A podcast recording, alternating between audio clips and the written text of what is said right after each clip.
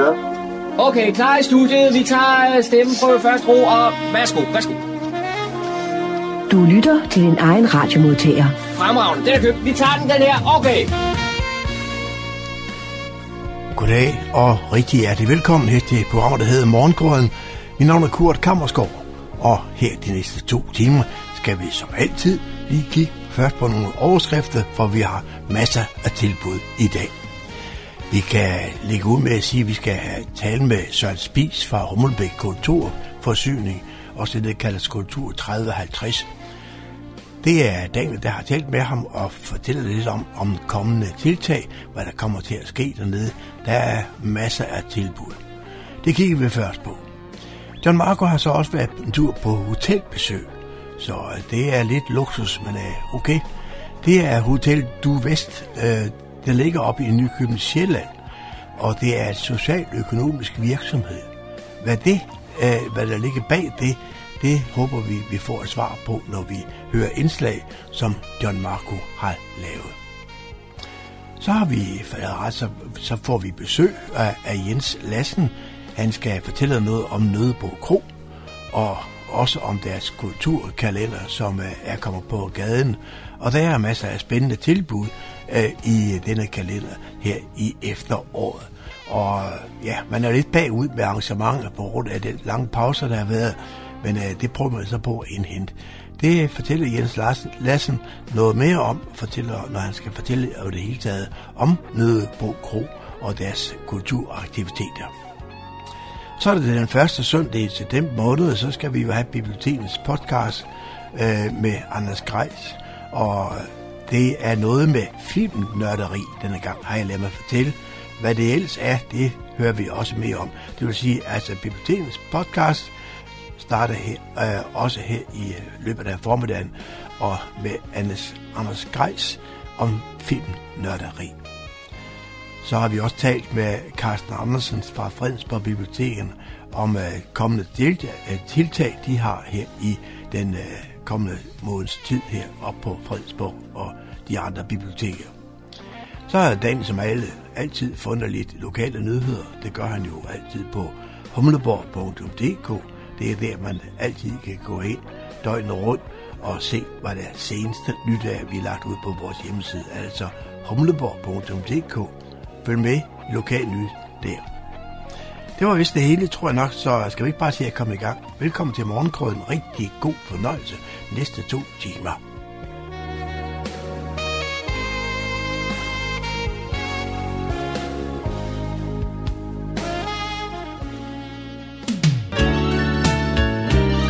Du lytter til morgenkrydderen. I studiet er det Kurt Kammerskov. Og så stiller vi om til Studie 34, hvor Daniel han sidder klar til interview. Værsgo Daniel, mikrofonen er tændt. Kulturforeningen Kultur 3050 i Humlebæk er begyndt at have en del aktiviteter her i øh, efteråret. Med på telefonen, der har jeg Søren Spis. Velkommen til, Søren. Mange tak. Kulturstationen de øh, danner ramme om en udstilling, I også er øh, med til at arrangere Bio med Stefan Kai Nielsen. Og øh, kan du fortælle lidt om, hvad det er for et arrangement? Ja, Stefan Kai Nielsen øh, er jo selv fyldt 70 i år, men havde også 50 års jubilæum som fotograf. Og øh, udover at han er en fabelagtig fotograf, så har han også taget rigtig mange billeder i Humlebæk og omegn. Mm. Så Lokalhistorisk Forening udgav en helt overbog med 300 billeder fra øh, en ung DSU-borgmester, eller senere borgmester, der løber ude i skoven, til, til øh, fantastiske billeder fra det gamle sletten og fra, fra havnefester og fodboldhold og Preben Melkær, der sidder og skriver autografer. Ja, og, og det er virkelig lokal kulturhistorie, så det basker. Det er det. Ja. Øh, og det vi, det vi så gør her, det er, at vi tager nogle af de samme billeder, men også nogle andre billeder, og laver mm. som en bio, hvor vi så mørkelægger en af salene i kulturstationen. Forhåbentlig falder det også på plads, men man kan få fat i nogle popcorn. Okay. Så, øh, så man simpelthen kan sidde i biografmørket og nyde dels nogle af de samme billeder, men også nogle andre, og, og få det ind på den her måde, som, som en mørk sal giver af, af koncentration i forhold til, når man sidder og bladrer i en bog. Hvordan bliver billederne så vist? De bliver vist på en, øh, en stor skærm. Okay, så det er, det, det er ligesom en, en biografoplevelse, men hvor billederne ligesom slicer? biograf, ja. ja. Og hvornår er det, man kan komme i biografen på Kulturstationen og se de her billeder af Stefan Kaj Nielsen? Den 11. i 9. om Mhm. eftermiddagen, øh, og der holder øh, faktisk Lokalhistorisk øh, Forening også den bogreception for bogudgivelsen, som blev udskudt fra foråret. Øh, så der bliver også mulighed for at få et glas og så videre. Og så de næste dagen efter, øh, den 12. Øh, og 13. og den 19. og 20. september, kører vi så om eftermiddagen dernede, hvor Stefan også selv vil være til stede, hvis der er spørgsmål eller, eller kommentarer til billederne. Så det glæder vi os også meget til. Ja, men det lyder da spændende og, og en anderledes måde at gøre nogle ting på. Jeg tror, der sker noget andet i hvert fald, fordi jeg, har, jeg er vild med bogen, øh, og hvor man kan bruge timer på at sidde og bladre i den, men der sker altså noget for en opmærksomhed, for ens egen opmærksomhed, når man pludselig ser det i et mørkt rum, i forhold til at sidde og bladre i, i sofaen eller på terrassen. Mm. Så øh, det bliver også spændende. Ja. Hvor lang tid tager sådan en øh, billedfilmforestilling? Et fuldt gennemløb vil tage cirka en halv time, men, øh, men det kommer til at køre non-stop, så ligesom man kender det for eksempel fra Lucianas biograf og så videre, så kan man gå ind og ud undervejs og, og, øh, og tage den del af det, man har lyst til, eller sige, øh, nå, der var, ikke, øh, der var ikke nogen billeder af mig, så, så gider jeg ikke.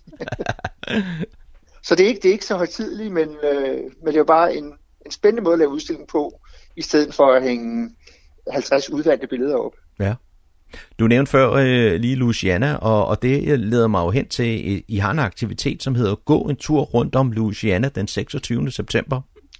Ja. Søren Spis, hvad, hvad, hvad går det ud på? Jamen det er et landstækkende arrangement, eller aktivitet, der hedder We Walk, hvor man øh, i en uge, og det er så også blevet skudt på grund af corona, laver så mange gåture som muligt, så øh, nogen udefra vil komme til Humlebæk for at se, hvordan vi bor, og nogen øh, vil tage til Stævns for at se, hvad der sker dernede. Men det er simpelthen et en folkesundheds, øh, folkesundhedsprojekt, der handler om at få folk ud og, og gå i den friske luft. Ja. Og det gør vi jo i forvejen, så det var oplagt, at vi godt vil lave en, en god rute her. Så det bliver ikke en guided bytur, men, eller byvandring, men det bliver til gengæld øh, rigtig mange mennesker, der går med corona-afstand rundt og ser på vores dejlige by. Ja, og det bliver så rundt om øh, Louisiana? Ja, det bliver en tur op over øh, Sandvejen til Tiberup, og så ned over Louisiana og tilbage af Kystvej til, tilbage til kulturstationen, hvor det starter. Ja. Så der er ikke sådan de store hemmeligheder i det, men, øh, men vi ved jo, at der er mange mennesker, der har været i Humlebæk og kun kender Louisiana. Så derfor er det en oplagt mulighed for dem også at se noget af, af, af det, der ligger ude omkring. Mm. Og hvad tidspunkt er det, det starter? Det starter kl. 10 den øh, 26. 9. Og som sagt, så er der i den uge også mulighed for at tage ud og kigge på, på andre lokalområder, hvis de kan friste. Det kan man alt sammen se ind på WeWalks almindelige hjemmeside. Jamen med de ord, Søren, så vil jeg da sige uh, tak for information for denne omgang, og vi uh, tales ved på et uh, andet tidspunkt, når I har flere spændende aktiviteter på programmet. Ja, så velkomne. Hej. Du har stillet ind på Nordsjællands voksne musikstation, frekvens 104,3 MHz, Radio Humleborg. Jeg sidder her i Nykøbing Sjælland og er gået ind på det, der hedder Hotel du Vest. Og øh, så møder jeg Morten. Morten, hvad er det for et sted, jeg har valgt at tage min formiddagskaffe i dag? Jamen, Hotel du Vest er en socialøkonomisk virksomhed, som her inde under Grandhøjen. Det vil sige, at vi er primært beskæftigelse for øh, Grandhøjens beboere, som er socialt udsatte øh, og psykisk ustabil. Øhm, så det betyder, at vi har to ansatte her, og så resten det er primært Granholms beboere, hvor at de ligesom kommer i beskæftigelse. Og så deres arbejdsdag kan svinge alt fra en time til 8 timer, øh, og en dag om ugen til ja, fem dage om ugen, så de er oppe på en fuld arbejdstid. Øh, og nogle af dem tilbyder vi også en uddannelse, når de er stabile nok. Øh, og vi har flere, som der er kommet ud og ikke længere en del af Grandhøjen, øh, som står på egen ben den dag i dag og ligesom har uddannelse og lejlighed selv og er klar til at gå videre i livet. Og hvilke job er det, I kan tilbyde disse mennesker? Jamen altså, det er jo alt. Det er både lidt hjælp til rengøring her, og nogen står i opvask, og vi har en, han sørger bare for at fylde vores køleskab med mælk og sodavand, og gå ned med tomme flasker, og sådan. Vi har en, han kommer to gange om ugen, så fejrer han vores gårdhave og drikker lidt kaffe, og lige, bare lige kommer ud af hjemmet, og så er det hans arbejdsdag, der er gået på det. Nu har min hustru og jeg lige indtaget et et dejligt måltid, var jeg lige ved at sige. Nej, en dejlig kop formiddagskaffe og et stykke dejlig kage. Hvem er det, der laver det? Altså, kaffen, det er lidt alle. Det er lige hvem, der går forbi og lige får taget den sidste chat, som der lige sætter en ny kande over. Hvor at kagen, det er mig, der står og laver det over bagved. Øhm, men vi har også indimellem beboere, som vi lige laver op i at lave kagerne, og så er det det. Vi har før haft en, der stod og brugt 3-4 timer om dagen på at bare lave kager. Så det, det kan være alle, hvem der lige bliver lært op i det. Og så er der noget, der tiltaler mig rigtig meget. Det er jo, når man har drukket sin kaffe, så kan man gå op og få en ekstra tår. Ja, jamen altså, kaffe, det, det får man jo aldrig helt nok af, så at der lige er en genopfyldning, det gør jo ikke den store forskel for os. Og det gør også, at beboerne, så behøver de ikke som sådan have al den der kundekontakt, men at der lige kommer en og siger, kan lige få genopfyldt, så kan de lige sige, jamen det er okay. Og for eksempel folk med autisme har jo svært ved det sociale, og det får de stille og roligt bare ved, at den der smule der lige er der. Så det gav lidt til deres udvikling også. Måske kan du lige fortælle mig, hvor længe stedet her har eksisteret? Jamen altså, som under Grandhøjen har vi været her i 26 år, øh, hvor det har været socialøkonomisk virksomhed med beboere. Øh, men det første de sidste 10 år, hvor vi virkelig har gået til den og haft mange beboere. Altså, da vi havde flest, tror jeg, vi var oppe at være 15 beboere og to ansatte her. Så det var primært kun beboerne, der styrede det her og hjalp, og så var vi andre her bare til at støtte dem igennem hverdagen og arbejdet. Og du har lige fortalt mig, at det er dig, der har lavet den dejlige lavkage, jeg lige har sat til livs. Øh, hvad er din baggrund for det? Jamen altså, jeg var her som ung arbejder, og var her i tre år, øh, og blev tilbudt læreplads som catering øh, i køkken. Og så var der en beboer, der samtidig var stabil nok til at tage uddannelsen, så han fik lærepladsen. Og der i mellemtiden, der har jeg taget en bageruddannelse. Så derfor så laver jeg lidt forskellige kager og bager vores morgenbold og focaccia-brød og det forskellige brød, vi har her. Og så stedet her, det er jo indrettet på en lidt speciel måde med, med forskellige kunstværker på væggene. Ja, altså her under corona, der har vi jo brugt tiden på at renovere her og har fået malet de grønne og kajegule væg, fordi før var det hvidt og kedeligt. Øh, og så ejerne af Grandhøjen, de elsker lokalt, og alt kunst her, det er lokalt. Så det er forskellige kunstnere, men alt sammen lokalt her. Det var John Marco, der havde produceret dette indslag. Du lytter til morgenkrydderen. Vi har fået gæster i studiet her på øh, radioen. Øh, jeg skal byde velkommen til Jens Lassen fra forsamlingshuset Nødebo Kro. Velkommen til, Jens. Tak skal du have. I har i øh, Kulturudvalget på Nødebo Kro udsendt jeres sæsonprogram her i september måned. Det er fyldt, sprængfyldt med masser af forskellige kulturelle tilbud. Ikke bare til folk i Nødebo, men nærmest i hele regionen. Det største program nogensinde i jeres 40 år lange historie? Ja, det har jo en særlig forklaring i øh, coronakrisen, at det er flot og fint, det bestræber vi os jo på hvert år, men øh, omfanget i år er jo klart større, fordi vi på et tidspunkt i øh, marts måned øh, var nødt til at aflyse flere koncerter, og af forskellige kontraktmæssige årsager, og fordi vi gerne ville bruge de kunstnere i vores øh, program, har vi så fået mulighed for at rykke kunstnerne, så de ikke kom for et halvt år siden, men nu rykker ind i det næste sæsonprogram. Og det vil så kommer det program, der normalt har en 4-25 arrangementer i indhold op på en 8-29 stykker. Så på den måde bliver det et vældig stort program, og det er rigtigt, vi synes også selv, det er et flot program. Det er et rigtig flot program. Og der har været plads i kalenderen, også de frivillige medarbejderes kalender. Det har der, ja. Mm. Øh, de frivillige i den her sammenhæng er jo Kulturudvalget, som øh, planlægger og afvikler det der arrangementer, som, øh, som bliver lavet. Så der er vi otte, og til hjælp for os, som sidder i udvalget, for at vi ikke skal sidde og sælge billetter hver gang alene, så er der et korps af en 10-12 ekstra medarbejdere, som, eller frivillige, som øh, hjælper os med at sælge billetter på skift og indgå i en vagtplan. Mm. Vi skal om et øjeblik snakke lidt om, hvad der er på øh, programmet her i øh, sæsonen, men jeg vil starte et helt andet sted, for jeg kunne godt tænke mig at vide lidt om, I har 40 år på, på banen som forsamlingshus, foreningshus i, i Nødebo. Øh, hvad er historien om, om Nødebo Kro? Uh, den er vældig lang, og man kan starte med at sige, den kan man også læse på hjemmesiden, hvis hmm. man ikke får fuldt rigtigt med her. Men historien er jo, at øh, i 1977 øh, blev den ejendom, der dengang var en kro, Nødebo Kro, øh, sat til salg. Øh, den har ligget der i 300 år øh, som kro, og markerne omkring den var deres. Det gik ned til søen, og efterhånden så blev der solgt fra og solgt fra og solgt fra. Til sidst så skulle selve kroen sælges. Det var der fremsynede borgere i byen, som synes var en rigtig stor skam. Det var tanken, der skulle rives, kronen skulle rives ned, og så skulle man bygge seks parcelhuse der. Og det kunne en entreprenør godt få en øh, pæn formue ud af. Men borgerne i byen slog sig sammen, de gik, initiativtagerne gik fra dør til dør, og man fik tegnet støtteaktier af 500 kroner øh, til opkøb af den grund og den ejendom, der lå der. Og en lang historie kort, så lykkedes det, og man fik øh, garanti fra bank og kommune, og kunne øh, derfor i løbet af et halvt års tid bemægtige sig den ejendom og flytte ind i det, som før havde været kro, og som så skulle være et øh, forsamlings- og kulturhus. Så det er baggrunden for det. Og i dag, der fungerer det jo så under øh, kommunal regi, ikke?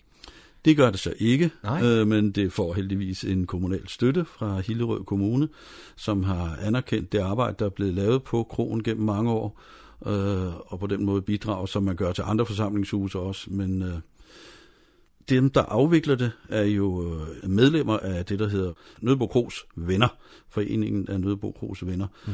Alle, som øh, arbejder, arbejder frivilligt, og alle er meget ihærdige. Der er jo øh, til loppemarked for eksempel er vi 100-150 frivillige, der er lopper, og i hverdagen, øh, ud af de 600 medlemmer, som øh, har meldt sig ind og betaler kontingent til kronen, så er der rigtig, rigtig mange i alle mulige sammenhænge, fra madlavning mm. til øh, afvikling af koncerter og hjælp med alle mulige ting, som øh, bidrager til at få det hele til at køre rundt. Og sådan har det altid været, mm. altså altid siden 1977. Ja.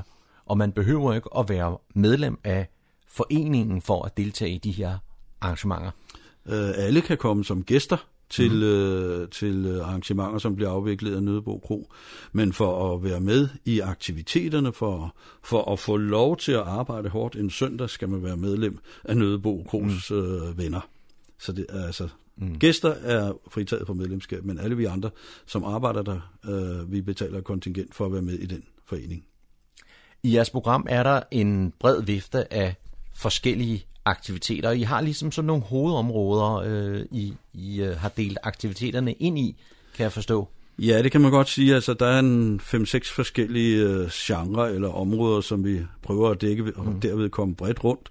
Øh, vi har fast 4-5 foredrag. Vi har fast noget rytmisk musik, faste klassiske koncerter. Vi har jazzarrangementer ind i øh, de her koncerter.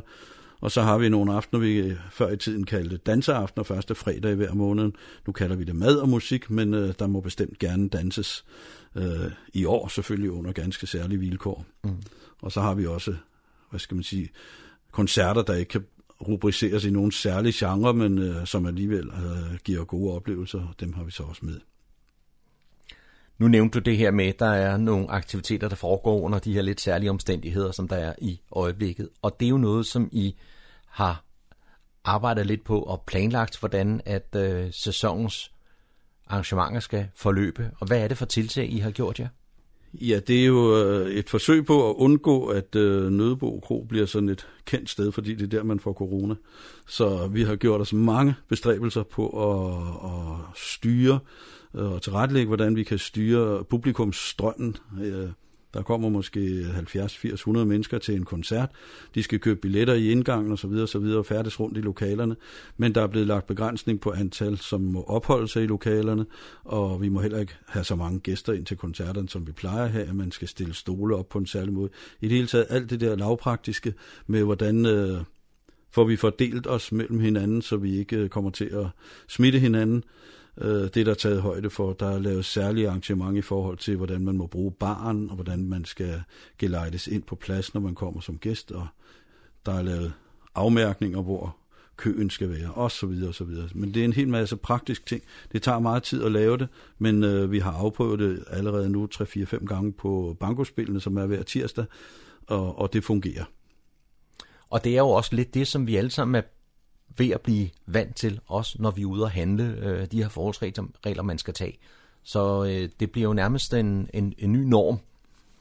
Det er det sådan set allerede mm. ved at være, og, og det der er jo vores håb, det er, at øh, vores gæster stadigvæk vil komme og, og retter med ind på de nye øh, måder. Det er jo de samme ting, vi arbejder med, det er de samme tilbud, vi har, men afviklingen er vi jo tvunget til at gøre på en lidt anderledes, måske vil nogen synes, lidt mindre hyggelig måde, og ikke så tæt socialt, som, som det har været før i tiden. Vi skal til at snakke lidt om de øh, arrangementer og aktiviteter, som I har i jeres øh, kulturkalender, som øh, er startet op her i september måned. Det løber frem til april. Og Jens Lassen, kan du fortælle lidt om, hvad er det, der, der er de første arrangementer, I skal holde? Ja, det er jo så heldigt, at det er mig, der kommer her i dag, fordi det er mig, der skal stå og være ansvarlig for de der to første arrangementer. Men det er den 25 det faste indslag i, øh, i hver måned, nemlig sidste fredag i hver måned, kommer Nødeknækkerne. Nødeknækkerne er en urgammel tradition, vi har, hvor der bliver spillet spillemandsmusik den sidste fredag i hver måned, og der bliver danset folkedans, og der er med børn og det hele. Men også nødknækkerne har måttet bøje sig for de strammere regler. Der bliver særlige øh, regler for, hvilke danse man må danse. Man må ikke danse kædedanse og møller og al den slags ting, men man må gerne danse fortsat. Og de restriktioner, de vil jo så blive fremlagt på, på de aftener, hvor det er. Men det er så den 25. Det er det, der faktisk er det første program. Men derefter kommer vores søndagskoncert den øh, 27. september kl. 16. Det er en jazzkoncert, og vi har saxofonisten Jan Harbæk til at spille sammen med pianist Henrik Gunde og Eske Nørlund på bas og Anders Holm på trommer. Og vi har haft tidligere besøg af Jan Harbæk. Det er sådan set et gave til ham og til vores gode smag, at han kommer nu for tredje gang og spiller på Nødebo Kro. Så det glæder vi os rigtig meget til. En fantastisk musiker, som det også det. har øh, fået Bent Websterprisen, så vidt jeg husker. Det er nemlig den genre, hans saxofon lyder i mine ører også, så det skal nok stemme. Det er jo det. Det er jo det. Så det er jo den øh, 27. september. Og ja. der er mere jazz. Der er mere jazz, ja. ja. Der kommer også øh, en uh, danse, eller en mad- og musikaften med en, uh, et ensemble, der hedder Katja og Katjasserne. Og de spiller traditionel New Orleans musik. Uh, Katja er kvinden, der synger, sangerinden, og så er der i øvrigt uh, saxofonist Jørgen Vestergaard, og guitarist Kurt Hansen og bassist Mogens Kant Fjeldsø på trommer. Så de to øh, starter sæsonen, hvor efter vi går over i en helt anden boldgade, så kommer Stifo Andersen og synger Beethoven. Ja. Og det er den søndag den 4. oktober. Den 4. oktober. Der er også noget foredrag, kan jeg se, og, og folkemusik. Ja, det er der. Begge de to arrangementer er hippieruten til Østen med journalisten Thomas Uvesen, mm. og det næste, som du siger, folkemusik, det er irsk øh, engelsk folkemusik med duoen Jane og Shane. Begge arrangementer er flyttet fra sidste sæson mm. og over det, de to programmer, eller to af de programmer, der er med til at udvide kalenderen noget i år. Og det er jo også nogen, der har været der før. Eller i hvert fald Jane and Shane. Jane and Shane har været der en gang før, og vi ja. synes, det var utrolig underholdende fornøjeligt, og det emmer og damper af humør og spilleglæde i de to musikere, og de, jeg har sagt, de flotter med hinanden, det gør de måske ikke, men der er et fantastisk uh, menneskeligt samspil ud over det musikalske imellem dem, som gør det en, det er rigtig sjovt og hyggeligt mm. at se på det der. Ja. Og så kan jeg se, uh, I har også nogle uh, mere eller mindre lokale musikalske arrangementer. Der er hyldes til Tone Weislev og Frank Jæger.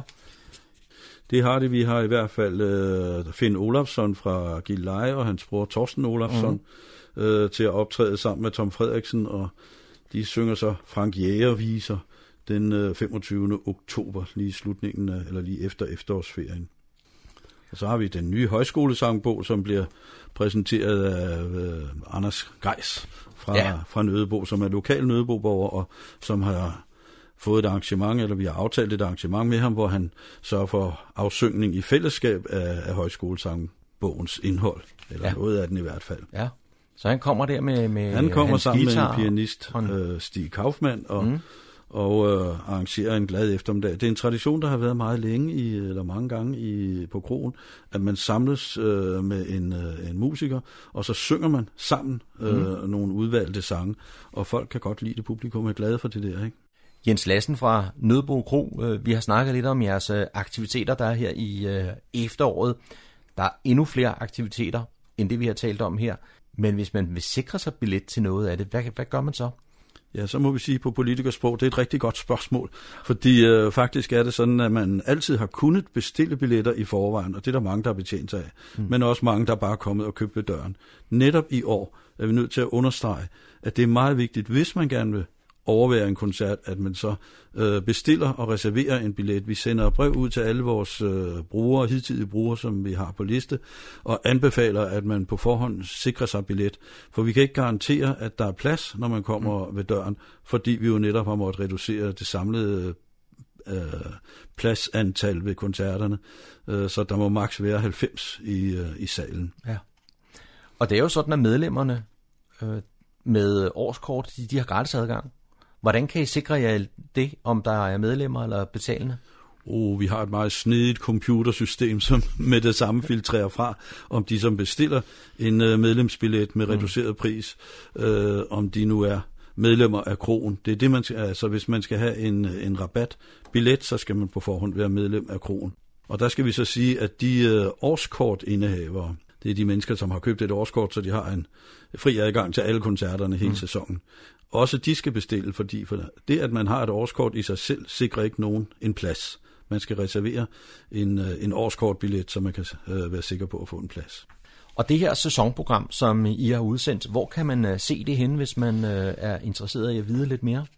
Øh, vi har trygt en rigtig stor bunke øh, almindelige folder, som vi lægger på biblioteker og i særlige forretninger, som vil modtage dem. Men ellers kan de fleste gå ind og se dem på Krons hjemmeside på nettet, øh, hvor der er en særlig sektion, der hedder Kulturprogrammet. Og inde under kulturen og også fra forsiden kan man købe øh, billetter. Det er et rimelig enkelt system, som hedder Place to Book, og man kan gå ind og krydse af og bestille billetter, og så betaler man dem ved bestillingen, sådan som man også gør ved alle mulige andre billetsystemer. Hvis man nu kunne øh, få lyst til at øh, enten være frivillig eller medlem af øh, jeres øh, forsamlingshus, øh, hvad gør man så, Jens? Øh, det er så nemt, som det kan være. Man, øh, enten så melder man sig direkte til på nettet og skriver, hvad man kunne være interesseret i at bidrage med, om det skulle være til bankomedhjælper, eller til loppemarkedsassistent, eller til smørbrudsproduktion til loppe, øh, til bankospillene. Øh, men man kan også blive almindelig medlem. Man behøver ikke at, at kun at blive medlem, fordi man vil gøre noget. Man kan blive medlem og støtte kronen med 350 kroner i kontingent, og det kan også gøres på hjemmesiden. Og hvis man har lyst til at komme og besøge kronen, der er jo åbent ved aften, øh, mandag til torsdag, så kan man komme op og se, om det er noget, og bede en af medhjælperne i barn om at få en blanket, så kan man udfylde den. Så der er flere veje ind i kronen, hvis man gerne vil. Så I har åben mandag til torsdag der hver er uge? Åben, at der ja. er aktiviteter i krogen. Altså det her, det er jo kun kulturprogrammet. Ja. Men i hverdagen foregår der jo en masse ting på krogen. Der er øveaftener for musikere og nødknækkerne spiller hver mandag og øver. Og så er der nogle herrer, der har en øh, lille privat togklub nede i vores kælder, en meget, meget flot togklub. Mm. Øh, den dyrker de også en gang om ugen. Der er folk, der har spiseklubber, øh, hvor man har fire spiseklubber, tror jeg, plus at man har også børnespiseklubber. Hvis man er en yngre familie, er man jo også meget velkommen. Øh, og i det hele taget så samler krogen jo gerne på medlemmer. Alle bidrag modtages med kysshånd, og det kan jo godt være, at medlemskabet kan udvikle sig til en større aktiv indsats, end bare det at være medlem på sigt. Og med det, så vil jeg sige tak til Jens Lassen fra øh, Nødbro Kro, der fortalte lidt om, hvad der foregår i jeres forsamlingshus. Tak skal du have.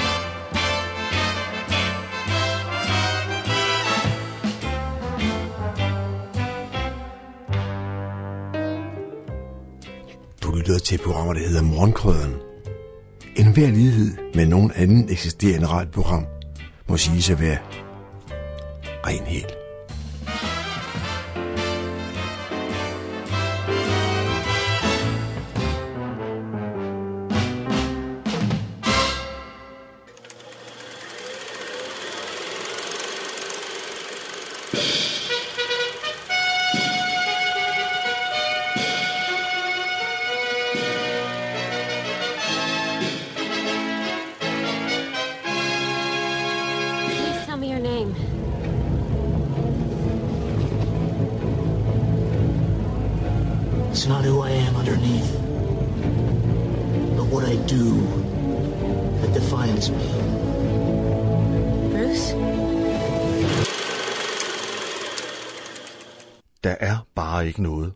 Forsvinde ind i en god film. Om det er i biografens mørke omgivet af popcornsknaskende unger, hjemme i stuen med godterne spredt ud over sofabordet, eller under dynen med computerskærmen mast helt op i ansigtet og de gode høretelefoner på. Vi forsvinder ind i filmene. Vi oplever verden sammen med hovedpersonerne, og vi kommer ud på den anden side med et nyt blik på tilværelsen.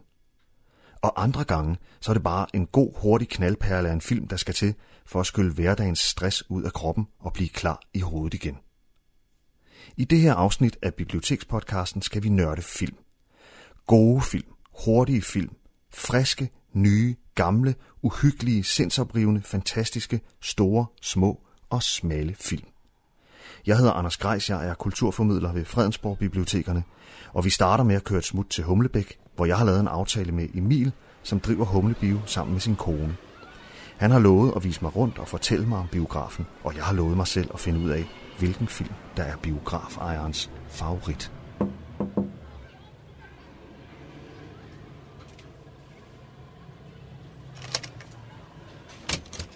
Hej, det er dig der, Emil. Yes. Anders. Det bliver, det bliver et håndtryk. Tør ja. vi godt det? Ja, det tør vi godt. Tak fordi jeg måtte komme. Du holder en god varme herinde, hva'? Ja, ja, det er nok meget god idé.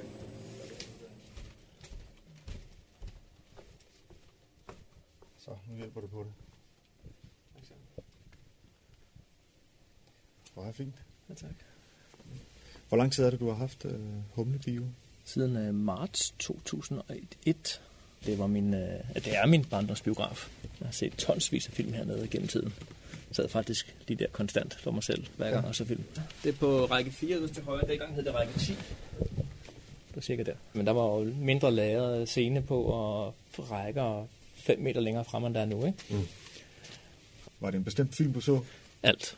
Du, så, du så, så alt. alt. Ja. Altså, og jo ældre jeg blev, så så jeg bare hele programmet, der var hernede.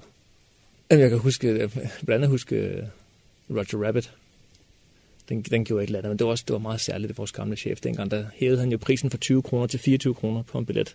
Okay. Det var sådan ligesom skældsættende, at der, der, der skete noget der. Nu gik det hurtigere i Humlebæk. Ja. Så nu skulle filmene være dyre, fordi han fik dem tidligere. Ikke? Øh, men det, det var en stor oplevelse, jeg synes, der tilbage til fremtiden. Jeg tror, både to og treeren så jeg hernede. Ja. Det var sgu... Det glæden ved at skulle ned og se noget, og så hvordan man simpelthen nyder det hele vejen igennem, og man, man kan være høj på det på dage efter. Ja. Jeg gemte billetter i sin tid, har dem desværre ikke mere, men jeg havde simpelthen gemt samtlige billetter.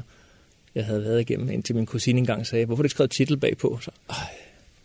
så var det sådan ligesom, så ligesom tabt. Nu kunne jeg ikke huske, hvad jeg havde set jo. jeg, havde, jeg havde et godt stort lager. Ikke? Ja. Min mor gav mig 100 kroner, så havde jeg til fem film, så lå de i en kasse i stedet for at købe slik. Og det, det tog sin slag gang i gang. Fik et job, fik et større job, og så, så var der mulighed for at, at søge forpakningen. Det gjorde jeg, og fik den. Altså, men, men det jeg ved i dag, så har jeg aldrig hoppet ud i det med den biograf, det var dengang. Men uh, det er da heldigvis blevet vendt til noget andet og til noget mere. Hvad, hvad fik dig til at, at springe ud i sådan et vanvittigt projekt? Jamen, ønsket om, at, øh, at I som gæster får den bedst mulige oplevelse, når I sidder og ser en film. Det, ja, det, det synes jeg simpelthen, det var, det var så hyggeligt, når man stod i gamle dage og trak tæppet til og fra, og selv kørte lyset op og ned og alt muligt andet. Men, øh, altså, det, det der oplevelsen for jer som gæster at gå ud, det, det er, det, der, der skal det hele med. Har du ikke lyst til at vise mig lidt rundt? Jo. I, må jeg se afviklingsrummet? Ja, ja, det oh, det er sådan en god gammel uh, snæver trappe, det her. Ja, ja, ja.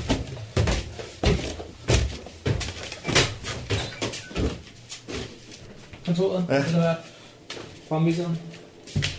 Det var stadig den gamle også. Det er simpelthen øh, det gamle maskineri. Lige efter at have været to år, tilbage i 03, så fik vi opgraderet til en ny øh, 35 mm maskine. Den kører stadig. Det er dog længe siden, vi har kørt med den. Det var Dunkirk, vi viste sidst. Because the only thing to do is to show that maniac that he cannot conquer this island. And for that, we need an army. General tell Brigadier Nicholson the Germans must not reach the sea. Not before we, we, we get our boys off of that bloody beach. I take full responsibility. Really? I gamle dage på svolebordet og samle trailer og film. Godt Sommersby, jeg har stående her, det er den første film, jeg nogensinde lagde i en maskine i sin tid. They're not seeing the big picture. That's right. It's my project. It's mine. And they're taking it away from me? Hvor lang tid er det, den har ligget her? For den har, biografen har jo ligget her noget Sådan før. en, en, 9, 39, husker jeg rigtigt. 1939? Ja. Og hvordan, øh, hvordan kom man på, at der skulle ligge en biograf her i Humle? Der skal du spørge dem, der boede herinde ved siden af. Ja. Det var manden, der byggede den til konen i sin tid. Og de drev den, drev den i rigtig, rigtig mange år. Indtil videoen og så videre kom der. Han døde først, og så kørte hun det videre. Så gik der var der sådan et, hvor det gik nedad for biograferne, og kommunen overtog det. Og prøvede at have det lidt selv, og så valgte de, at den skulle forpagtes bort, men de ville rigtig gerne have, at der er en biograf Okay. til borgerne op. Ja, Det er deres bygning. Ja, der, der er jo helt klart en vilje for, altså borgerne benytter den jo heldigvis meget, så det er jo en, en stor vilje og noget, der, det, der gør, at den stadig bliver her. Og så, der, dem, der har været her, de er på en eller anden måde tilknyttet til mere i branchen, end bare at have en biograf.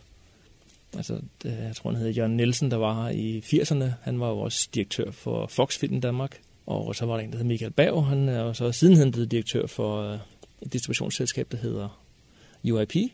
Er stadig aktiv. Folk i, i Humle Bio har altid lavet mere end bare Humle Bio. Altså, de har sat, sat et præg på branchen. Jeg har tre biografer jo, så, det, så på den måde så sætter jeg mit eget præg. Jeg har i Frederiksværk og Atlas ude i Rødovre samtidig.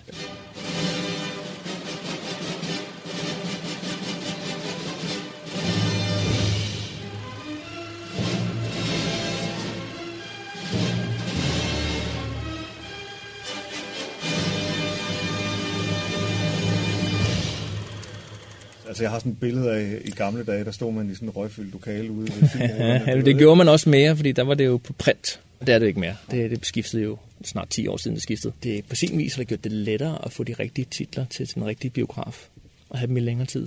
Men det var i gamle dage, hvor vi kæmpede om at få et af de der fire print, der cirkulerede i landet. Ikke? Og de skulle selvfølgelig køre færdige i Dagmar og Grand først, før de kom ud. Øhm, Nå, så det var simpelthen sådan helt fysisk. Der ja, det var, det var fire, der var fire simpelthen versioner. ja, ja, det var 4 eller 12 eller 20 eller 100, alt, alt hvilken type film det var, de satte på. Så, så skulle man sådan kæmpe for at få sit print, og så endelig fik den, så havde man det tre dage. Ikke? Så skulle den videre til næste biograf. Derfor har jeg i mange år øh, dyrket det herop, at have filmene i det, jeg kalder rotation. Så kører den mandag, torsdag, søndag, tirsdag, et eller andet. Så i stedet for at kan spille den syv gange over fire uger, i stedet for en uge træk, og så de der nu du er på ferie. Altså jeg har gerne altid om, med, i stedet mellem 8 og 12 film på lager, der ligger og triller. Øhm, Hvad med nogle af de øh, filmudbud, der er kommet sådan med digitalisering, Netflix og sådan noget? Og, ja, det, er det en konkurrent for dig? Du? Ja, det jeg synes, det hjælper folk til at se film. Man selvfølgelig snakker man om det, det gjorde man også, tv'et kom, og det gjorde man, da videoen kom. Og tilbage, da, da vi to var unge og gik i biffen, der hed det straight to video, og nu hedder det, hvis filmen er dårlig, så er det straight to streaming. Ja. Altså, hvis den ikke er god nok til en biograf-release, så ryger den på streaming. Ja. Jeg synes, det, det er meget tydeligt, det tv-film, når man ser en Netflix eller et eller andet HBO-titel, noget, det er de er gode til serier. Det, den der to timers spillefilm, du gerne vil se, det gør sgu lidt let. Så de er faktisk mere, ja, de er mere et supplement til øh, Ja, ja, biografdriften. ja, det er som Det et ikke sådan blockbuster og andre playtime, og hvad det hed dengang bare. Hvordan er, hvordan er hverdagen, når man sådan driver sådan en øh, biograf? Jeg synes næsten, at kontor nu så for meget lige på tiden, men det, det hører med i at drive en biograf. Men heldigvis så, så, så har jeg nu mulighed for, at jeg gør det også, rejse rundt og ser film tidligere Mm. på, på messer Ja. rundt omkring. For det er jo det er så producenterne og udlejerne, der har inviteret biografejere til at se, hvad der er på vej. Og så mødes I, og så ser I bare øh, vi- helt ekstremt ja, mange film. præcis. Altså et af, at man kan se en, uh, en trailer, man kan se en preview, og det, det skal jo nok sælge. Ja. Men når du ser en endelig produkt, så er det jo en lille smule andet alligevel. Mm, mm.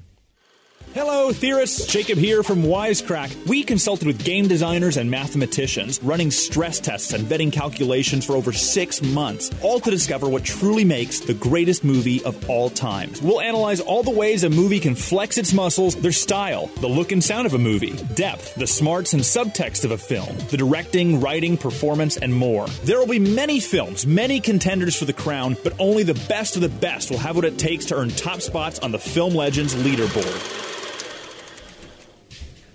Hvad er din yndlingsfilm? Ja. Øh, for nylig her, der var det øh, værk uden skaber. Ja, værk uden skaber. Det var god. Indem ihr euch frei macht, macht ihr die Welt frei. Nur der Künstler kann den Menschen nach dieser Katastrophe das Gespür für ihre Freiheit zurückgeben. Ich war klein. Ein Arzt sollte heilen. Er sollte heilen. Det var virkelig god film. Det, det, var bare godt lavet, og godt fortalt. Ja. Det gennemarbejdet, så er det, så er det altså rigtig godt. Hvis de har gjort sig umage og formået at fortælle det, så, så er det en god film. Er det også din all-time favorite? Eller har du... Øh... Der er jo stadig et barn af 80'erne, ikke? Og elsker Goonierne. ikke? altså. They call themselves the Goonies. They've stumbled onto a legend, but they're not alone. As Steven Spielberg presents The Goonies. Vi har, vi har jo lige haft en uh, filmfestival her over sommeren, og der var det nede grave i forskellige titler, som vi synes godt kunne tåle et gensyn. Det både med den nye Mad Max Fury Road til den gamle Ondskabens Øjne og Useless Suspects og Fargo. Altså det. Så vi har da lige været igennem et par ja. stykker. Kan du løfte sløret for, øh, hvad, hvad, hvad kan vi forvente sådan? Jamen, lige nu er det rigtig let. Alt det, der skulle have været her i sommer, det kommer næste år. og de fleste af mange af de store titler er flyttet et år. Nu starter vi allerede heldigvis på næste onsdag med Tenet ja. for Christopher Nolan, som er altså den første rigtig store film, der kommer ud efter alt det her nedlukning. Altså instruktøren, han er jo cineast, så han har også kæmpet for at være den første, der kom ud med en stor film i biograferne ja. efter nedlukningen. Og går det godt, I skal se den, så, øh, så kommer de andre titler også, er jeg sikker på, ud i bølger. Ja, efteråret bliver en lang bølge af fantastiske film, som har ventet på, at vi kunne få lov til at gå i biografen igen ovenpå coronanedlukket. På bibliotekerne har vi nu alligevel gjort, hvad vi kunne for at holde jer forsynet med film, imens samfundet gik i hi. Vi har nemlig givet jer lov til at se endnu flere film end normalt på bibliotekernes filmstreamingstjeneste. Det er den, som hedder Filmstriben. Og hvis du ikke har opdaget den endnu, så er det bare om at få klikket dig ind på siden og komme i gang med at streame. Jeg er taget ind til Dansk Bibliotekscenter i Ballerup, som i daglig tale hedder DBC. Det er ikke et sted, man normalt kommer som låner, men det er til gengæld her, nogle af bibliotekernes digitale tilbud bliver skabt. Lone, som jeg skal mødes med, hun står for Filmstriben. Hun er med til at udvikle sitet, og så er hun en af dem, der bestemmer, hvilke film du kan se på filmstriben.dk. Er det bare der, Lone? Fantastisk. Anders, tak fordi du vil se mig. Det er fantastisk. Hvor skal vi være? Vi skal være oppe i den heroppe. Ja. Jeg hedder Lone Rasmussen, og jeg er redaktør af Filmstriben. Filmstriben er bibliotekernes digitale filmtilbud. Vi bliver jo nogle gange sammenlignet med, med Netflix, bibliotekernes ja. Netflix. Ja. Sådan. Ja. Men, øh, og det er også fint, men altså, øh, Netflix er jo måske også stærkest på serierne, og ikke så stærk på, på filmene. Mm. Øhm, og så tror jeg også, at i og med, at vi øhm, kuraterer så stærkt eller så hårdt, øhm, og øhm, har den her sådan meget klare profil, gør også, at, øhm, at vi ikke har en masse støj, så vores titler kan stå mere rent. Og så tror jeg også, at vi, vi, vi, vi markedsfører dem noget mere. Vi er jo også på Facebook og Instagram og Twitter. Øhm, vi er et øhm, alternativ til de kommercielle tjenester. Det betyder også, at vores, øh, selve vores profil er anderledes. Hmm. Vi bestræber os på at, at være øh, et lidt anderledes tilbud. Vi, er et, vi har et biblioteksrelevant materiale øh, i vores udvalg. Ja. Hvornår var noget biblioteksrelevant? Ja, det er, det er altid sådan et godt spørgsmål. Ja. og det er så svært at svare konkret på. Altså nu har vi jo har faktisk været med lige siden VHS-tiden øh, og været med til at, at, at tilbyde de her øh, film til bibliotekerne i den her tid. Så jeg har sådan, men får sådan en fornemmelse af, hvad der er, der er biblioteksrelevant. Vi taler kvalitet, vi taler alsidighed, vi taler aktualitet. Øhm, og så prøver vi sådan at sige, at vi har alt det bedste inden for alle genrer. Øh, med de begrænsninger, der jo også er, fordi vi har ikke adgang til, til alle film. Vi har øh, adgang til en lang række film, fordi vi har aftaler med med øh, en række filmselskaber og filmproducenter og distributører, så vi har adgang til ret mange film, men ikke alt. Øh, men selvfølgelig vil vi også gerne have en bredde. Vi har mange smalle film, sådan stof til eftertanke film, øh, men vi har også morsomme film, vi har også romantiske film, hvis du bare brug for en film lørdag aften ja. på sofaen, og ikke gider at have noget stof til eftertanke. Ja. Men vi bestræber os meget på at have danske, øh, eller europæiske i det hele taget. Vi er måske en, en, en grænudgave, kan man sige, grænteaterudgave. Hvem, hvem sidder sådan og håndplukker de her film? Er det dig, der gør det? Jeg sidder med det, og vi er en lille øh, redaktionsgruppe. Ja. Øh, men ja, jeg sidder også og arbejder med det. Hvordan foregår det, når I, når I skal vælge film? Vi har jo det her samarbejde med øh, en lang række øh, danske distributører, filmdistributører og filmselskaber. Øhm, og der har vi indgået nogle aftaler med dem. Det vil sige, at de sender os løbende. Hver gang de ligesom er ude og købe nye rettigheder ude i den store verden, så, øh, får vi tilbudt de titler. Øhm, og dem sidder vi simpelthen og, og vurderer. Øh, vi sidder jo ikke og kigger dem igennem. Vi har ikke tid til at se alle de film, desværre. Øh, men vi øh, deltager med det kendskab, vi har øh, til film, og så læser vi anmeldelser, øh, læser omtaler, mm. finder alt det materiale om dem, vi nu kan. Nogle af dem giver sig selv, øh, så det er jo bare sådan, selvfølgelig skal vi have den og den ja. og den. Ja. Og så er der nogen, hvor vi tænker, mm, den skal vi lige læse lidt mere om, og så er der ja. nogen, vi spørger, om vi kan få den til gennemsyn. Kan, sker det, at I bliver ramt af en film personligt? Og... Ja, selvfølgelig, men det, det, det er nok lidt svært at sige, men, men det er nok helt svært at undgå. Ja. Øhm, man har nok lidt nogle præferencer, men, men det er jo ikke meningen, at det har noget som helst med vores smag at gøre. Det skulle gerne være objektive kriterier, ja. som vi vælger ud fra. Altså man er vel nødt til at have ja. en videnskab for film? Selvfølgelig, ja. det er man da. Og, og der det... er der også nogle film, jeg glæder mig mere til at, at, at, at få på filmstriben end, end andre. Ja. Helt ja. sikkert, ja. det er der da.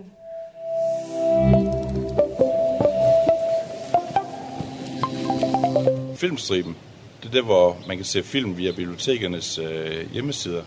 Det, det kender jeg godt. Jeg har set en del film der. Der er alle mulige slags film. De har en masse ungdomsfilm, har jeg set. De har tegnefilm, de har dokumentarfilm, de har kortfilm. De har alverdens ting at sige. Det fede ved det er, at det er skide nemt, og, så er det også lovligt. Øh, der er nok at tage fat på.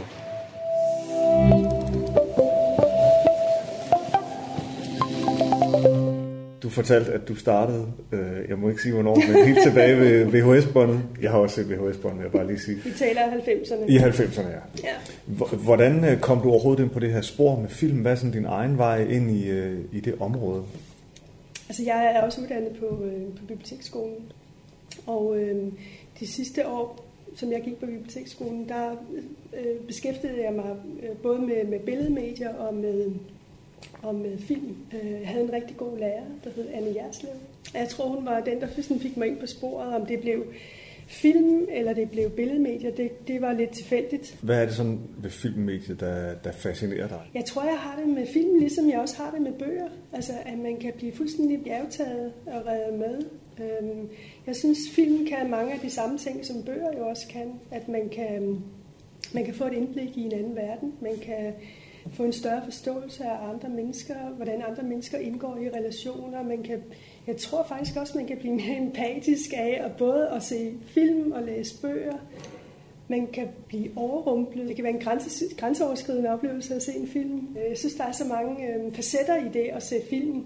Det kan også være, at det bare er en romantisk kærlighedsfilm. Øh, eller et gys, mm. hvad jeg ikke ser så tit. Det er mm. virkelig, gyserfilm er ikke min genre. Men det er jo det, film også kan. Den kan ramme en på nogle forskellige tidspunkter i ens liv. Så man kan, nogle gange kan man måske også bruge en film som en slags terapi. Øhm. Ja, sådan en udrenselse nærmest. Ja. At man kan gennemleve virkelig få grædt igennem. Det er en god ting. Ja. Are you crying? What's that? Are you crying? Am I crying? No, I'm not crying. You're crying. It's okay to cry. People cry. It's great, but I'm not crying. I don't, I'm not a crier. I don't cry. I, I, you know, I work out. I have hobbies. I don't, I don't. Come here. What? Come here. Hey, I forgive you.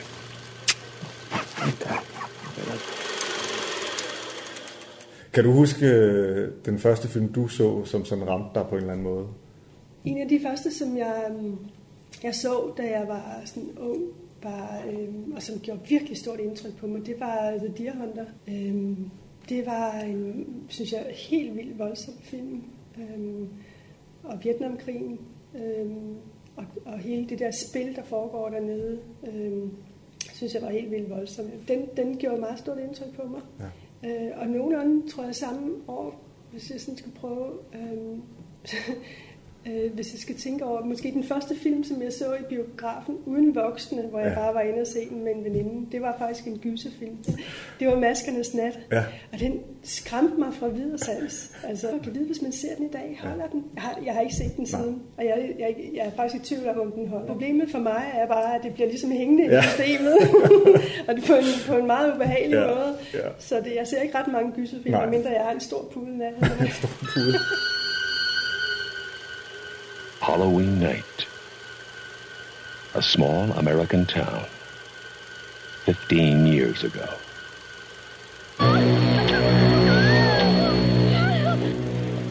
I spent eight years trying to reach him, and then another seven trying to keep him locked up because I realized that what was living behind that boy's eyes was purely and simply evil. Jeg skulle måske lige nævne, at altså, filmstriben kan jo tilgås via en computer. Ja. Den kan tilgås øh, via en telefon, Ja. en tablet. Øh, hvis man bruger en telefon eller en tablet, så skal man bare hente øh, filmstriben-appen. Øh, det findes til Apple TV, og du kan også Chromecaste. Øhm, og det er jo øh, en landsdækkende tjeneste, det er for alle landets borgere. Det eneste, det kræver, det er, at du er oprettet som bruger på dit lokale bibliotek. Og det kan du hurtigt blive, enten inde på hjemmesiden, Filmstriben, eller ved at gå ned på dit lokale bibliotek. Så det er for alle brugere. Man går bare ind på øh, filmstriben.dk. Lige nu ligger der små 3.000 titler på filmstriben, og det er jo svært ligesom at hive dem alle sammen frem og gøre rekl- reklame for dem alle sammen. Mm. Øhm, men vi prøver sådan hele tiden at lave noget, øhm, nogle temaer, og øhm, hernede på forsiden, der lister vi en masse forskellige temaer. Der ligger fire lister. Der ligger øh, nyt om film, mm. så har vi nyeste film og nyeste tv-serier. De ligger også ligesom fast. Der kommer alle de nye mm. titler ind, som lige hurtigt kan danne sig et overblik. Hvis der er noget, der er op tiden, der har lige været Copenhagen Pride. Ja. Øhm, sidste uge lavede vi et øh, nyhedsbrev, der handlede om øh, Amazing Grace. Så lavede vi nogle lister øh, med musikdokumentarer, musikfilm. Så der ligger en lang række lister her, vi skifter sådan lidt rundt på det. Altså, vi har fremhævet børn og unge heroppe øverst, for ligesom at få, øh, få vores børnefilm længere frem. Men øh, alt det her for ligesom at prøve om, at vise, hvad det er, vi filmstikken indeholder. Øh, men jeg vil lige nævne den her. Øh, film på vej. Øh, vi får rigtig mange brugerhenvendelser øh, om film, som brugerne gerne vil se. Og vi kan jo ikke imødekomme alle, men vi prøver altid lige at tjekke op på, om det er nogen, vi kan skaffe. Og hvad er sådan historikken i... Vi har jo ikke altid haft Nej, vi har ikke altid haft filmstriben. Øh, faktisk har vi ikke engang altid haft streaming jo. Nej. Øh, det er lidt et nyt fænomen. Ja. Hvordan kom det i stand, at øh, bibliotekerne faktisk, skulle have sådan noget? Faktisk har vi her i huset jo øh, haft distribution af VHS-kassetter. Det var der, det startede mm. for mange år siden. øhm, og derefter DVD-filmen. Øhm, og siden 2007 øhm, startede filmstriben til biblioteker og til undervisningsbrug. Og i 2009 øh, gik vi så i gang med distribution af film til øh, spillefilm og kort- og dokumentarfilm, så, du kunne se, så brugerne kunne se dem hjemmefra. Mm. Så filmstriben hjemmefra, den har så eksisteret siden 2009. Men tidligere var det DVD og, øh, og VHS-kassetter, som øh, blev distribueret til ja. bibliotekerne. Så det er bibliotekernes videobutik, der har Det er simpelthen- vokset sig stor, kan ja, man sige. og har, har fuldt udviklingen, som nu er, er ikke er fysiske materialer, men er digitalt. Og, og hvordan kan det overhovedet lade sig gøre, øh, at filmstriben er noget, vi kan tilbyde vores lånere, øh, helt uden at de skal betale for det? Altså jeg mener, vi har alle mulige andre streamingtjenester, som koster penge, Netflix og HBO, hvad de alle Det er sammen jo ikke meget anderledes, end at du altid har kunnet låne film på bibliotekerne. Du har også samtidig gå, kunnet gå ned og købe en film, en DVD-film. Øhm, nu, er det, nu er vi bare trådt ind i den digitale verden, kan man sige. Øh, der er jo en begrænsning på, øh, på, hvor mange film du kan se på filmstriben. Den enkelte kommune bestemmer selv, hvor mange lån deres brugere har adgang til. Og, øh, og det sætter jo en begrænsning for, hvor mange film om måneden du kan se. Så det er ikke, det er ikke frit tilgængeligt som en, en øh, kommersiel streamingtjeneste. Det er selvfølgelig øh, væsentligt i den her sammenhæng. Vi er et øh, alternativ til de kommersielle tjenester. Det betyder også, at vores, øh, selve vores profil er anderledes. Hmm. Så der er, det, er et, det er et bibliotekstilbud med nogle begrænsninger. Og det er altså bare om at komme i gang med at bruge filmstriben. Gå ind på filmstriben.dk og se alle de fantastiske, skæve og skønne film, der ligger derinde. Hvis du leder efter en film, du ikke kan finde på filmstriben, så skriv til deres kundeservice via hjemmesiden. Måske kan de grave din yndlingsfilm frem fra gemmerne. Og ellers så er det faktisk også sådan, at man stadig kan låne film på biblioteket. Vi har både DVD'er og Blu-ray, og vi kan skaffe det meste, hvis det ikke allerede står på vores hylder. Med andre ord, så er der faktisk ikke rigtig nogen gode grunde til ikke at komme i gang med en hel masse film. For film skal ses. I biografen, på filmstriben, derhjemme i sofaen eller under dynen. De skal i hvert fald ses.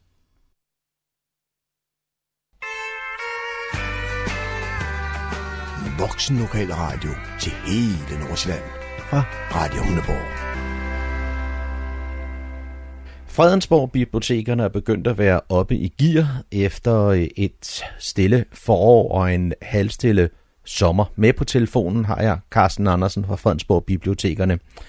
Og Carsten, I er begyndt at have flere øh, aktiviteter øh, for publikum. Der er flere af de faste ting, der er ved at åbne op. Så øh, lad os starte her med øh, samtalesalonger. Det er en ja. af de faste aktiviteter, I er begyndt at køre med igen. Det er rigtigt, ja. Det, de har været savnet, ja. både af os og gæsterne. Og hvornår er øh, første gang her i øh, efteråret? Det bliver den 3. september allerede, og der er et emne, som hedder livsovergange, som øh, deltagerne skal tale om. Ja, og hvor foregår det henne? Det foregår altid på Niveau Bibliotek, eller næsten altid på Niveau Bibliotek, og øh, det er fra kl. 10 til 11.30, hvor man bare skal møde op. Ja, og så har I et par øh, efterfølgende samtalesalonger, og dem kan vi lige få med, hvornår det er. Ja, jamen det er, altså som hovedregel er det første torsdag i måneden, så det vil sige nummer to bliver torsdag den 1. oktober, hvor man skal tale om rigdom. Så er der igen den 5. november, hvor det handler om ensomhed. Så kommer der også en i december, formentlig første torsdag i december, men, øh, men der er ikke noget emne fastlagt endnu. Og lige for at rise lidt op, en samtalesalon, hvad er det, det går ud på? Jamen, det går ud på, at, øh, at man øh, bliver sat sammen i nogle par, øh, og så får man nogle spørgsmål af værterne, som dækker et eller andet overordnet tema, for eksempel livsovergange. Og det er sådan en måde at, at få snakken i gang på, og man kommer til at snakke med nogle mennesker, man måske ikke kender så godt, og som man øh, måske ikke har så meget til fælles med, men som man kan lære noget af, og som man kan lytte til. Det handler nemlig ikke mindst om at lytte til andre mennesker, og ikke kun at selv at tale. Så det er sådan et forsøg på at øh, få skabt noget kvalitetssamtale. Så det, det, det er mere en, en samtale end et debatforum, det ja. her? Ja. ja. Og hvem er det, som øh, dukker op til den her slags øh, arrangement? Jamen, det kan være alle mulige forskellige... Altså, tidspunktet gør jo, at det er måske lidt mere ældre mennesker, der, der dukker op end yngre. Men i princippet øh, kunne det være noget for, for alle, tror jeg. Også, mm. altså, man kunne også godt komme, selvom man er yngre, og tale med nogle ældre, og, og både ældre og yngre kan lære noget af hinanden. Og nu har jeg jo kørt med det i et par sæsoner, så øh, det er jo sådan en, en fast ting, som jeg tænker, der må være lidt øh, interesse omkring at deltage i. Ja, altså vi har oplevet voksne interesse, altså fra at der næsten ikke kom nogen i starten, så er der sådan kommet flere og flere for hver gang nærmest. Så det, det håber vi kan fortsætte den udvikling. Og det er altså den 3. september, at der er samtalesalon næste gang på Niveau Bibliotek. I Nivå sker der også en del af aktivitet i september måned omkring lærgravene. Og Carsten Andersen, kan du fortælle lidt om, hvad går det ud på? Ja, det er sådan et helt lille tema, vi har om, om lærgravene øh, i Niveau, hvor vi har øh, forskellige arrangementer. Og det kommer så af den her øh, lille publikation, som blev udgivet for ikke så længe siden om lærgravene, og så har vi fået fat i nogle af dem, som har været med til at lave den her publikation. De vil holde foredrag og, og øh, tage folk med på tur omkring lærgravene. Vi starter den 6. september kl. 11 på Niveau-dagen, og der kan man komme på en guided tur på det, der hedder Niveau-ringen. Det er en gut, der hedder Jørgen Bertelsen, som vil fortælle teglværkets historie. Og øh, så kommer øh, Jane Risk her fra Fredensborg Kommune også og fortæller lidt om udviklingsplanerne for Niveau sådan i det hele taget. Og det var den 6. september. Og så to ja. dage efter den 8. Ja. september. Ja, det er rigtigt. Så kommer der en øh, arkeolog, og han er museumsdirektør, Ole Lass Jensen, der også har med til at skrive publikationen. Han kommer kl. 19 på Niveau Bibliotek og holder foredrag om, øh, om øh, de arkeologiske fund, man har gjort omkring Niveau helt tilbage til stenalderen. Den 19. september er den øh, næste lærgravsaktivitet. Der skal øh, vi på tur igen ud i lærgravene. Der er to eksperter, Nils Hall og Uffe Fester, som også har været med til at lave publikationen, som fortæller om naturen omkring lærgravene, både nu og i fremtiden. Og det sidste arrangement i det her, øh, den her tema? Ja, så øh, kommer øh, formanden for Lokalhistorisk Forening, Frans Hummelbæk, og fortæller om Niveau stationshistorie. Mm. Øh, og dens betydning for kystbanen og for hele teglværksindustrien. Ja, og det er den 26. september? Ja, kl. 14 til 16. Ja. Og det foregår på Niveau Bibliotek? Ja, det er rigtigt. Ja. Så er man interesseret i at øh, høre og læse mere om lærgravene, så er det øh, dels at få fat i den her publikation, du omtaler, men så Ja. sandelig også deltage i jeres øh, fire aktiviteter i løbet af september måned. Ja, det er rigtigt. Og øh, det er en god idé at tilmelde sig, øh, fordi der er begrænset antal, antal pladser, og vi, vi tror, det bliver populært. Og med de ord, så siger jeg tak til Carsten Andersen fra Fredensborg Bibliotekerne for den her orientering om, hvad der foregår på de lokale biblioteker. Vi kan lige øh, opfordre til, at man selvfølgelig kan læse mere og tilmelde sig på jeres hjemmeside, fredensborgbibliotekerne.dk. Det her er Fredensborg Lokalradio, Radio Humleborg på FM 104,3 MHz. Klik også ind på vores hjemmeside, www.humleborg.dk og følg med i, hvad der sker lokalt i Fredensborg og omegn. Så er det igen gået hen og blevet tid til lokale nyheder og informationer hentet fra humleborg.dk, oplæst og redigeret af Dinkel Jørgensen.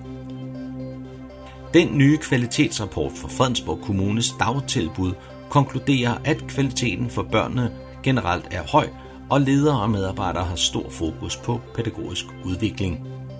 Hver andet år behandler børne- og skoleudvalget en samlet kvalitetsrapport for situationen i kommunens dagtilbud for 0-6-årige børn. Kort fortalt belyser rapporten, hvordan de ansatte arbejder i hverdagen med at sikre og udvikle en høj kvalitet til børnene. I rapporten konkluderes det blandt andet, at dagtilbudene i Fredensborg Kommune overordnet set har et højt fagligt niveau, hvor der er ledelsesmæssig opmærksomhed på løbende udvikling og kvalificering af det pædagogiske arbejde. Årets tilsyn viser en videre, at dagtilbudene arbejder målrettet og er kommet langt med implementeringen af den styrkede pædagogiske læreplads, fælles pædagogisk grundlag og de seks lærepladstemaer, som det pædagogiske personale skal tage udgangspunkt i, når der arbejdes med læreplan i dagplejen, vuggestuen og børnehaven. Efter at have afbrudt sæsonen halvvejs i foråret på grund af coronavirus, åbner Slægtsforskning Caféen og Håndarbejdscaféen atter for deltagelse på Fredensborg Bibliotekerne. Stille og roligt er bibliotekerne på vej tilbage til normal aktivitetsniveau efter nedlukningen. Den 14. september er alt således ved det gamle, når Slægtsforskningscafé på Fredensborg Bibliotek åbner for efterårssæsonen. Her vil den frivillige slægtsforskningsekspert Sten Petersen som altid stå klar til at introducere uerfarne slægtsforskere til de redskaber, man kan finde på nettet, så man kan lette tilværelsen for alle, der graver i slægtsforskning. Anden omgang af Slægtsforskningscaféen bliver den 5. oktober, og sæsonen slutter den 2. november. Alle gange foregår det på Fredensborg Bibliotek kl. 10 til 11. Man tilmelder sig via Fredensborg Bibliotekernes hjemmeside. Også håndarbejdscaféen på Fredensborg Bibliotek har meldt sig klar til kamp. Her starter sæsonen den 17. september, fortsætter den 13. oktober, og sidste gang i efteråret bliver den 5. november. I håndarbejdscaféen arbejder alle interesserede til at hygge omkring strikke, hækle og sytøj, og man kan bare møde op. Kulturudvalget i Fredensborg Kommune inviterer nu igen til forfatteraftener. To af det seneste års mest omtalte og læste forfattere kommer til Fredensborg Kommune her i efteråret, og det sker fordi Kulturudvalget igen sætter spot på ny dansk litteratur og inviterer borgerne til to forfatteraftener med henholdsvis Kirsten Thorup og Maren Utshaug. Forfatteren Kirsten Thorup kan opleves til årets første forfatteraften den 30. september på Fredensborg Bibliotek. Det er kl. 19, og hun fortæller om sin nye, meget læste og anmelderroste roman Indtil vanvid, indtil døden. Tirsdag den 3. november kommer turen til Maren Utshaug, der kommer til Egedal byens hus i Kokkedal med sit tegnede foredrag. Maren Utshaug, der udover sit forfatterskab er kendt for sine striber i politikken, indleder foredraget med at tegne. Arrangementerne koster 50 kroner per styk, og du kan læse mere og købe billetter på fredensborg.dk-forfatteraftener eller på Fredensborg Bibliotekernes hjemmeside. Det var, hvad vi havde fundet frem af nyheder og informationer, hentet fra humleborg.dk, oplæst og redigeret af Daniel Jørgensen.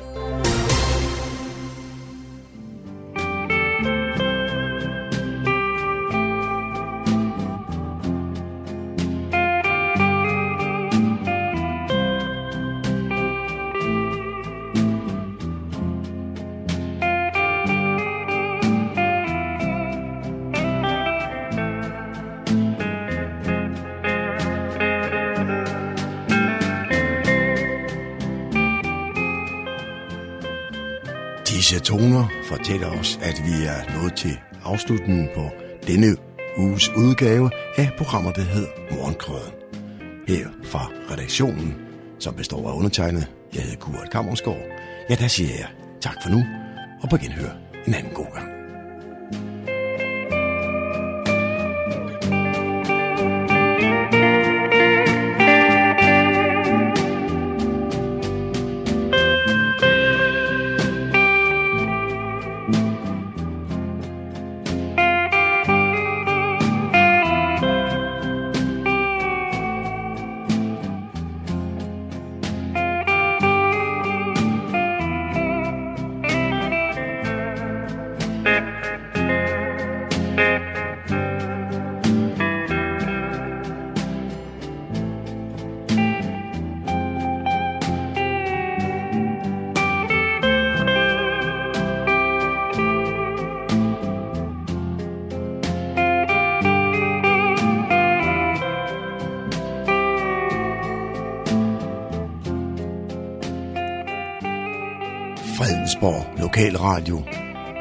Humleborg.